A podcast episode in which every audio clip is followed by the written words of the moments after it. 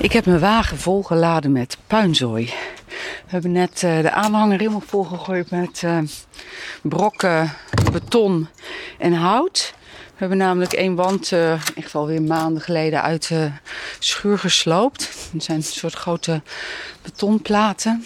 Die hebben in een aanhanger gegooid. Niet allemaal tegelijk, want dan zou die inzakken. En er ligt nog heel veel oud sloophout, wat ook mee moet.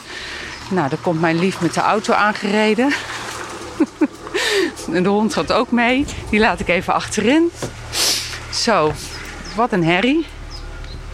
Even kijken. Oh, bruin wel achterin, maar er ligt allemaal plastic. Dat kan dus toch kan... bij? Nou, dat vergeet je stuk, denk ik. Nee? Ja, maar er zit allemaal uh, voedsel zit erin. Die, anders doe je hem op de achterbank. Ja.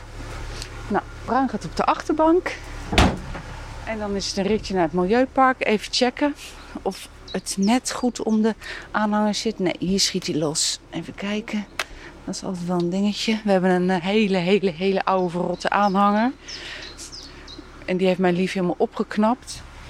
En hij heeft echt heel schattig uh, mintgroen en felgroen. Oh, ik moet eraan. Ik moet komen. Maar ik wil nog heel even beschrijven hoe die eruit ziet. Hij heeft hem uh, mintgroen, felgroen en houtkleur en rood. Dus het is een soort... Uh, nou, mijn kinderen zeggen, nou, er komen de hippies aan. Maar goed, hij lijkt ook een beetje op zo'n hele ouderwetse hippie caravan. Oh, als mijn lief gaat, wacht erbij! ik, ik stress heel hard wegrijden.